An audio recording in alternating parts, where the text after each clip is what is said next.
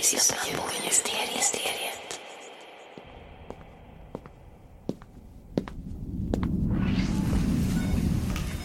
Det är lördag förmiddag när den självutnämnda vinkännaren går in i vinbutiken.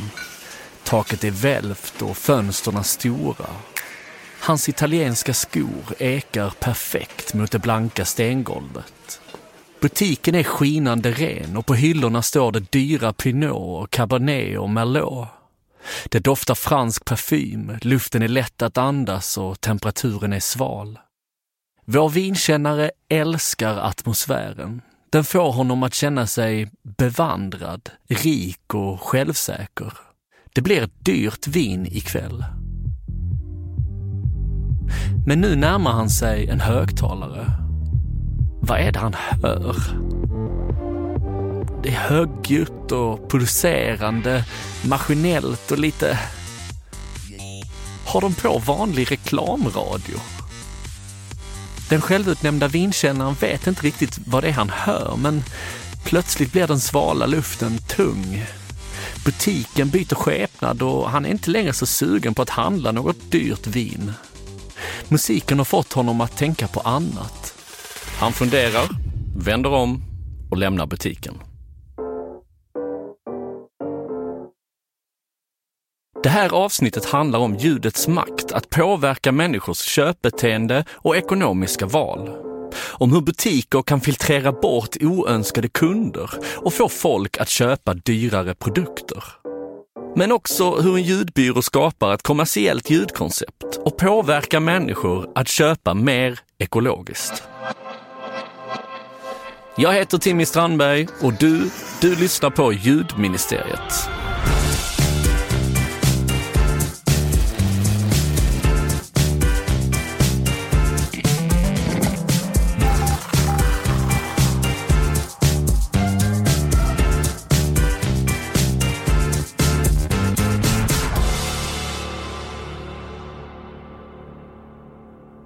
Den exklusiva vinbutiken gjorde en liten miss med musikvalet. Det är absolut inget fel på reklamradio, det är bara fel i det givna sammanhanget. Musiken gick inte riktigt ihop med butikens andra atmosfäriska val. Och just detta scenariot med vinbutiken använde forskare i en studie 1993 då undersökte man hur kunder i en vinbutik påverkades när man spelade klassisk musik och när man spelade radiomusik. Det man såg då var att när butiken spelade klassisk musik i bakgrunden så köpte kunderna dyrare viner än när de spelade radiomusik. Och detta gäller inte bara för vinbutiker, utan även restauranger. En restaurang, oavsett vad det är för typ av restaurang, det kan vara sunkig kvarterskrog. Det här är Zlatan Idnert. Han är akustiker och chef på ÅF Sound and Vibration. Spelar man klassisk musik så ökar omsättningen. Det hela går ut på att man då känner att man är lite, lite lyxigare och då köper man lite dyrare efterrätt. Om man köper en kaffe efter maten. Så med väldigt, väldigt enkla ljudåtgärder eh, så kan vi påverka människor. Ja, med väldigt enkla ljudåtgärder så kan kunder i en butik eller på en restaurang bli påverkade att ta ett beslut de annars inte skulle ha tagit. Du har nog aldrig gått in i en butik för att endast lyssna på musiken, men musiken i butiken påverkar dig även om du inte är där för att aktivt lyssna på vad som strömmar ut genom högtalarna. Idag spelar i stort sett alla butiker någon form av musik för sina kunder. Men det här är inget nytt. Jag tror du någon gång i ditt liv hört begreppet hissmusik. Hissmusik, som på engelska är mer känt som musac, är en instrumental musikstil som karaktäriseras av repetition och enkla arrangemang. Genren är producerad för att dra så lite uppmärksamhet till sig som möjligt och endast spelas i bakgrunden. Vi ska ta det från början och vi börjar på ett kanske lite otippat ställe. Det första världskriget.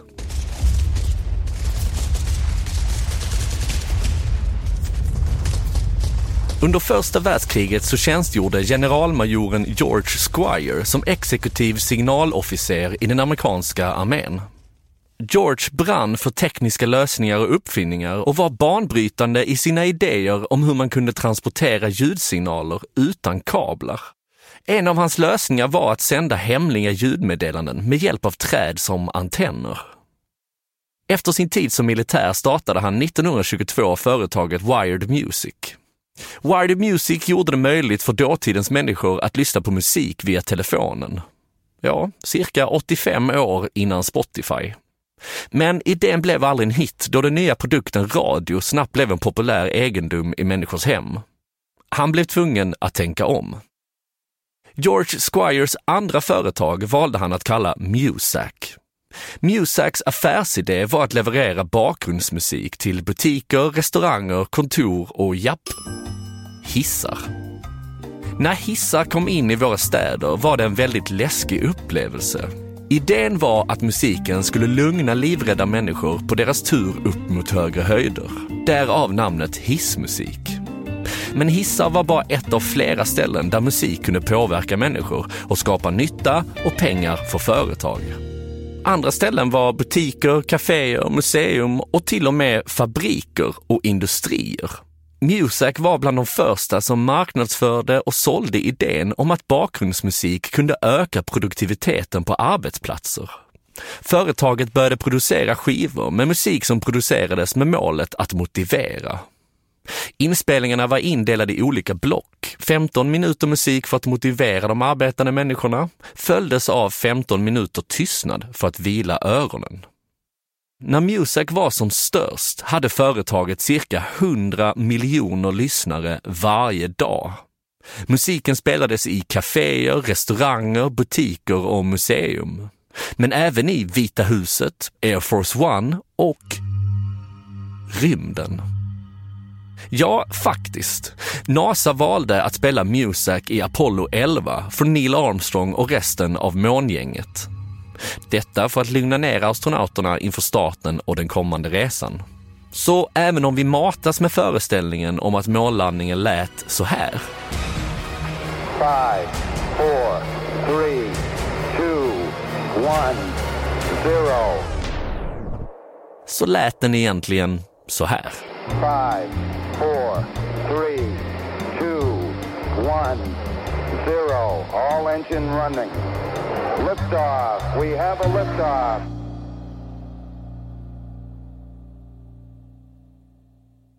Men det är inte Musacs musik i sig som kom att prägla hur musik idag används i butiker. Det var företagets filosofi om att musik påverkar vad vi människor känner. Därmed påverkar det vårt beteende och vilka val vi väljer att ta. Idag har forskning tagit oss ännu djupare in i våra psyken och företag har lärt sig att använda musik än mer precis än under Musacs primetime. Har du någon gång gått förbi någon av klädkedjans Hollisters butiker så vet du direkt om du är sugen på att gå in eller ej. Och det, det är ingen slump.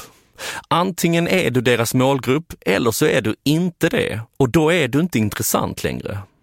Hollister använder bland annat musiken som en typ av filter för att locka in rätt kunder i butiken. Ungdomar. För studier visar nämligen att unga människor är bättre på att stå ut med hög musik medan äldre tenderar att undvika den. Och inte bara det. I en miljö med högt pumpande musik som överstimulerar hjärnan får vi människor försvagad självkontroll.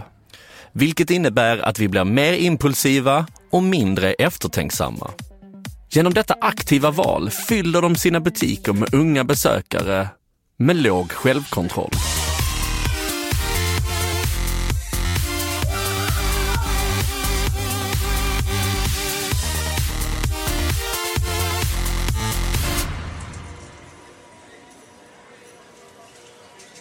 Ett annat typ av kommersiellt ställe som gärna vill att du får en överstimulerad hjärna och låg självkontroll är kasinon. En studie som publicerades 2018 visar att de blinkande ljus och glada musikinglar som spelas på kasinon får besökarna att ta större risker och över tid hamna i spelberoende. I studien studerade man råttor och människor råttorna var mer benägna att ta risker när deras mat gavs i samband med blinkande lampor och snabb, glad musik. För att undersöka om detta även gällde människor så lät man över hundra vuxna spela så kallade gamblingspel. Och varje gång någon gjorde ett bra val eller vann så spelades ljudet av den typen som finns i spelmaskiner. Det forskarna såg då var att dessa ljuden påverkade spelarnas kommande beslut. Det togs mer aggressiva och risktagande beslut i det fortsatta spelandet. Och med hjälp av eye trackers, alltså en typ av teknik som följer en människas blick, så kunde man se att spelarna brydde sig mindre om informationen som gavs angående oddsen att vinna, när ljud från spelmaskiner låg i bakgrunden.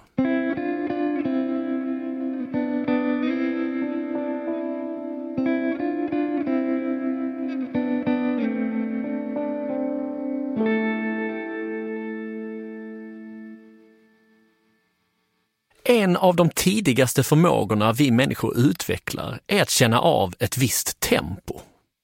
Långt innan vi kan sjunga så kan vi klappa händerna och dansa i takt. Snabbt eller långsamt verkar inte spela någon roll. Ljud och musik innehåller ett visst tempo. Det här är Zlatan Idnert. Han är chef på ÅF Sound and Vibration. Och vi människor vi vänjer oss ganska lätt vid tempot. Och detta görs ofta omedvetet. Du känner och anpassar dig till tempot i musiken, även fast du inte står på ett dansgolv. Och även fast du kanske inte lyssnar aktivt på musiken, så påverkar tempot dig. På 80-talet så undersökte marknadsprofessorn Ronald Milliman hur tempot i en butiks bakgrundsmusik kan påverka både hur snabbt kunderna rör sig och vad de väljer att spendera sina pengar på. Och det studien kom fram till är kanske inte sådär jätteöverraskande. Studien visar att snabb upptempomusik gör att människor omedvetet går snabbare genom butiken. Och tempot påverkar inte bara hur vi väljer att gå. Samma sak gäller när vi, eh, när vi sitter och lyssnar på musik och dricker öl. Utan även hur vi äter och dricker. Musik med högre tempo gör att vi dricker den här ölen snabbare och därför går och köper fler öl. Detta utnyttjas av medvetna klubb och pubägare. Och såklart även snabbmatskedjor som vill att du äter och dricker snabbt för att sen gå. Det är något McDonalds har använt eh, hur länge som helst. Hela affärsidén är kom in, ät snabbt, gå ut så att andra kan komma in. Det kallas för leave beats, alltså beats that makes people leave.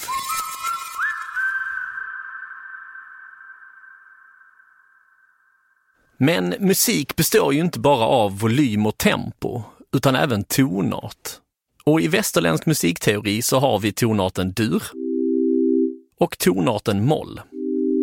För att generalisera väldigt hårt så kan vi säga att dur är en lite gladare tonart och moll är en lite ledsnare tonart. Cirka 30 år efter Millimans studie om tempo så kompletterades den med en studie av en schweizisk forskare vid namn Clemens Knöferle. Han ville undersöka hur tempot i kombination med bakgrundsmusikens tonart påverkade kunderna i en butik. Och i sin studie så kom Knöferle fram till att det bästa sättet att påverka sin försäljning med hjälp av musik var att spela långsam musik i tonarten moll. Med andra ord så tenderar vi människor att köpa mer när vi hör långsamma, sorgliga sånger.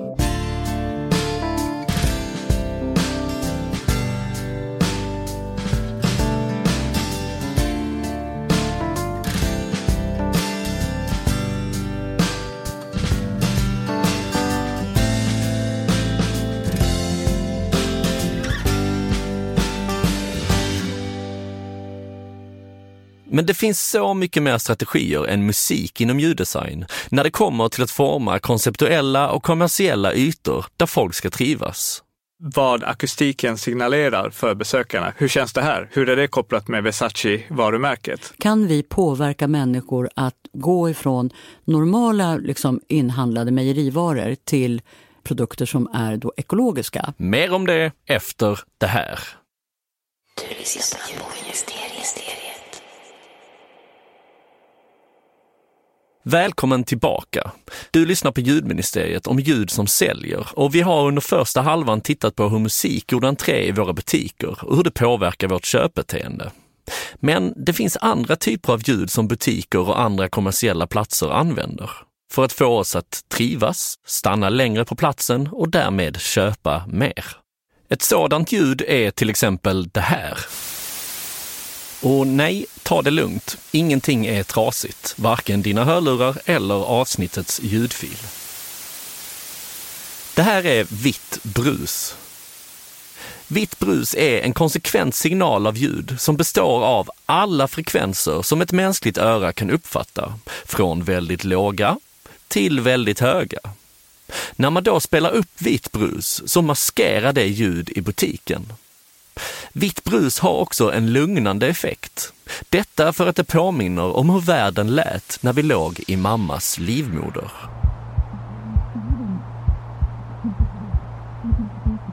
Det är just därför vitt brus är en vanlig funktion i appar som ska få dig att koppla av.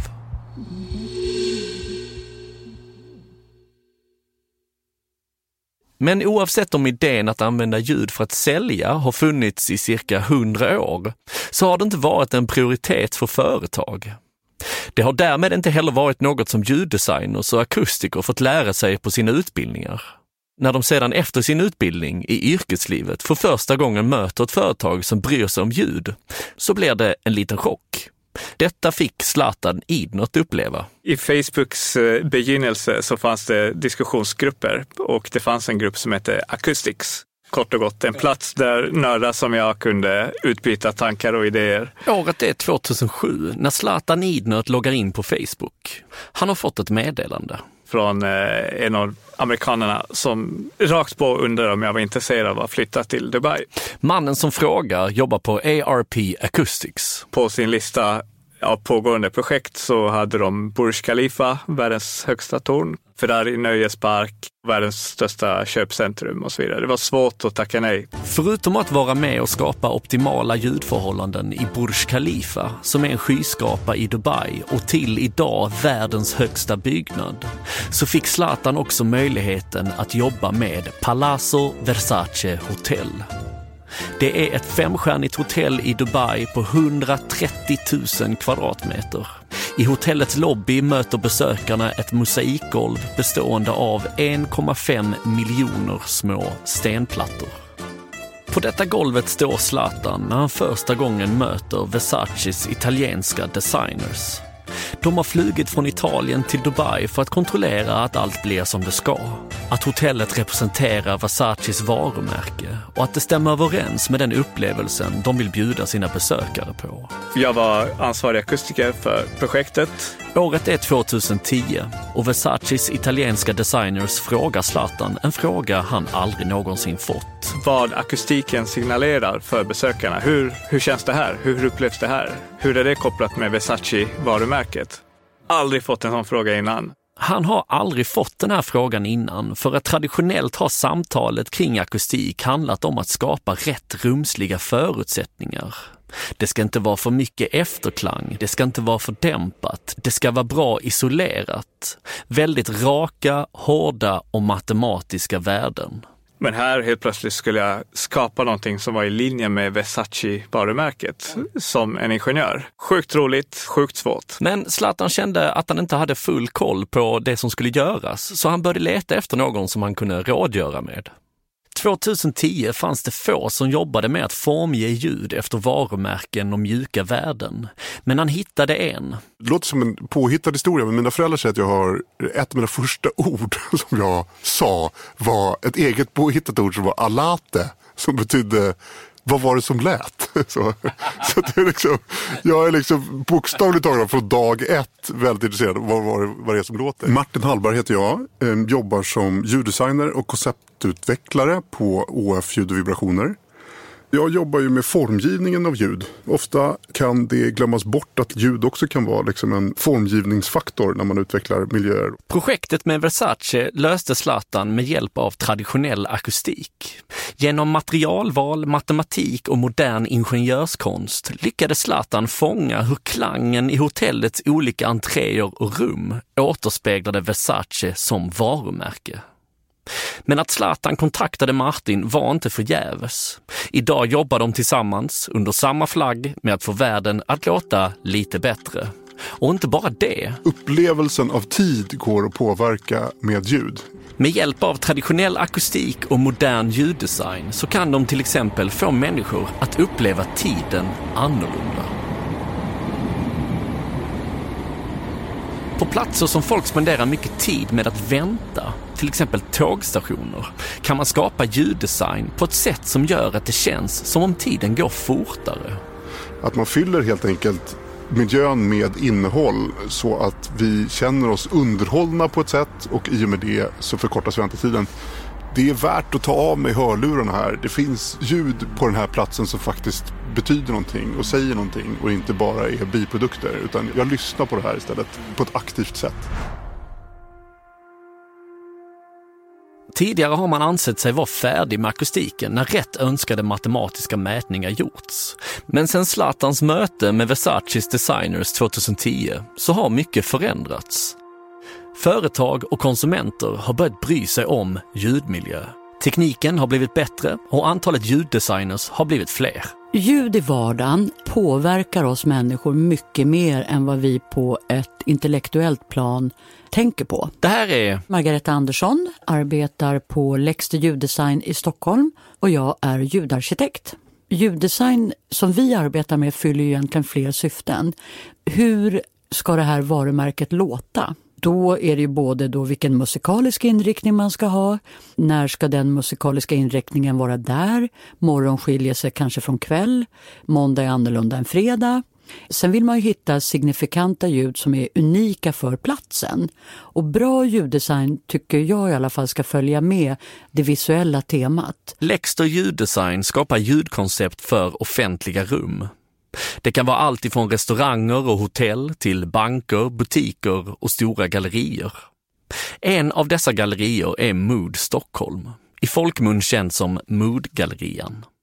Gallerian som ligger mitt i centrala Stockholm invigdes i mars 2012. Lexters uppdrag var att skapa ett ljudkoncept för hela gallerian. Ljuden som användes fick inte störa personalen eller kunderna och behövde fungera med befintliga ljud i byggnaden. Men hur går det till egentligen?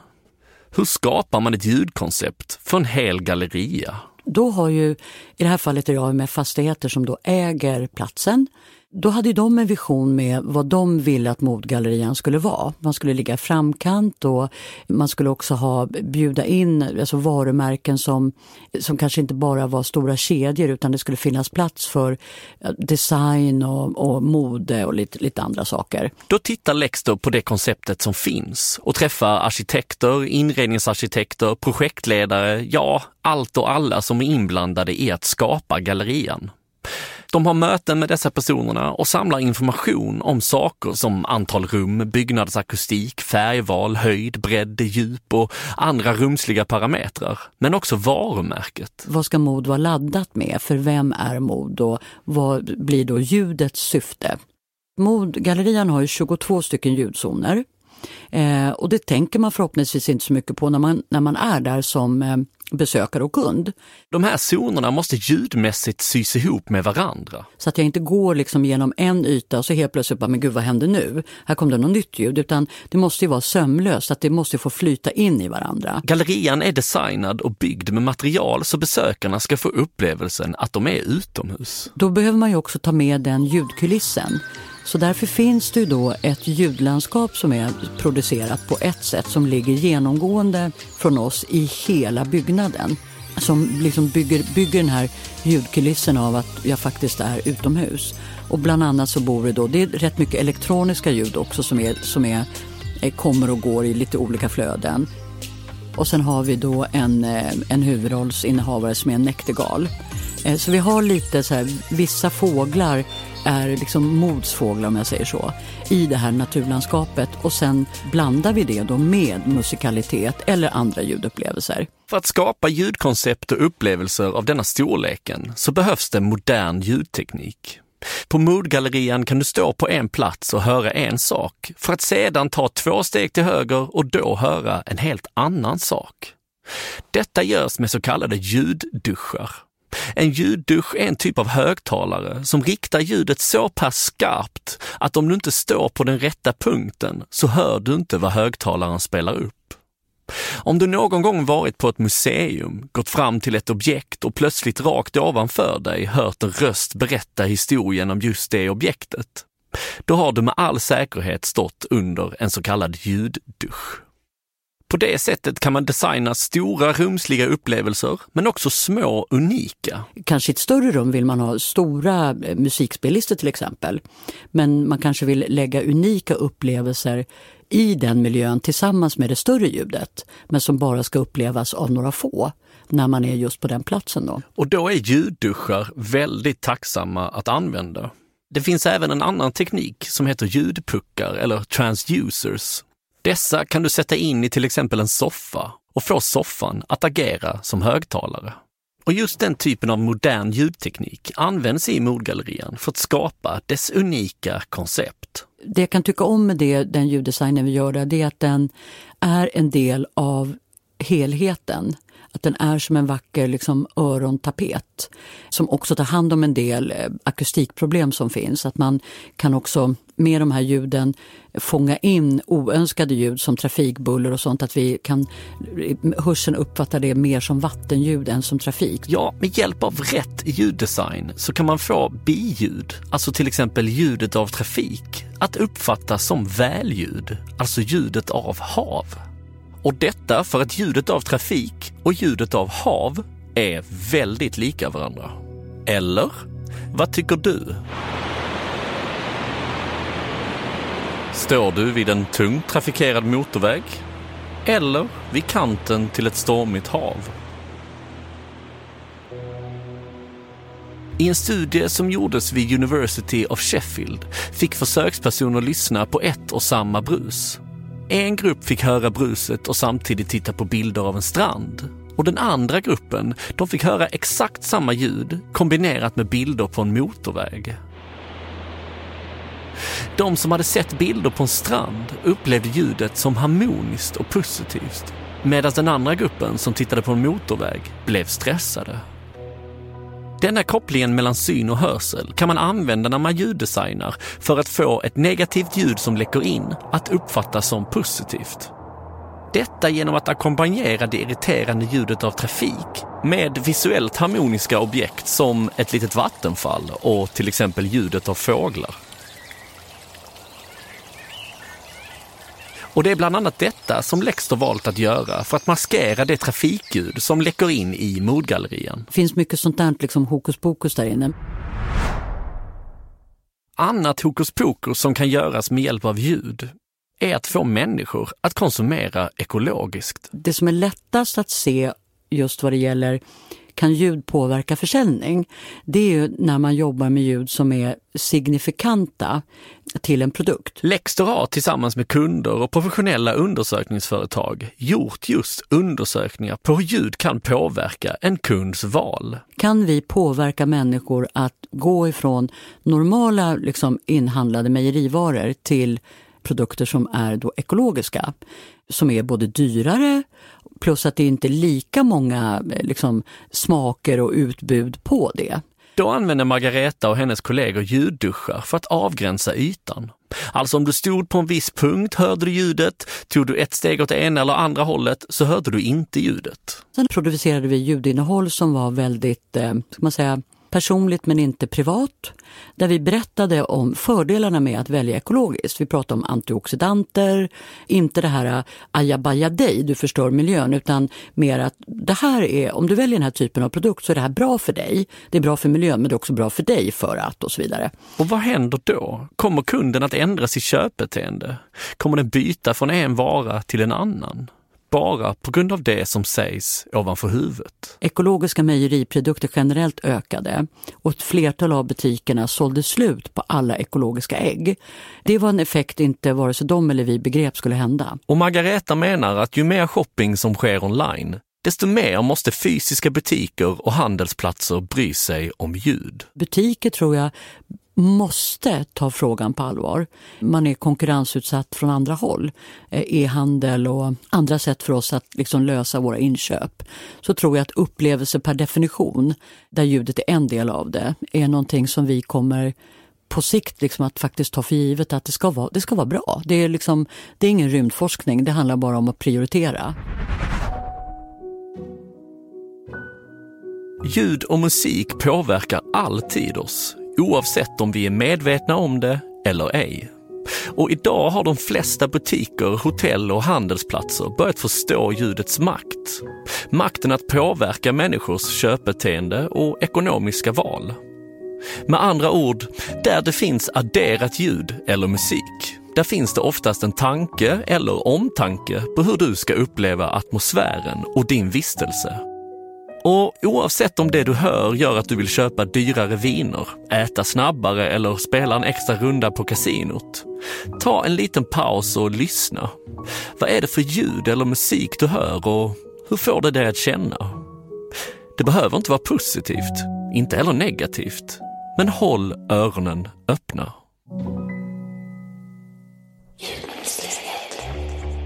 Stort tack för att du valde att lyssna på Ljudministeriet. Vill du fortsätta lyssna så sätt en prenumeration i din podcast-app. Då får du en notis om när nya avsnitt släpps. Följ gärna Ljudministeriet på Instagram, kom med tips, tankar och förslag. Stort tack till alla partners, Acast, Soundly och All Ears. Jag heter Timmy Strandberg och du, du har lyssnat på Ljudministeriet.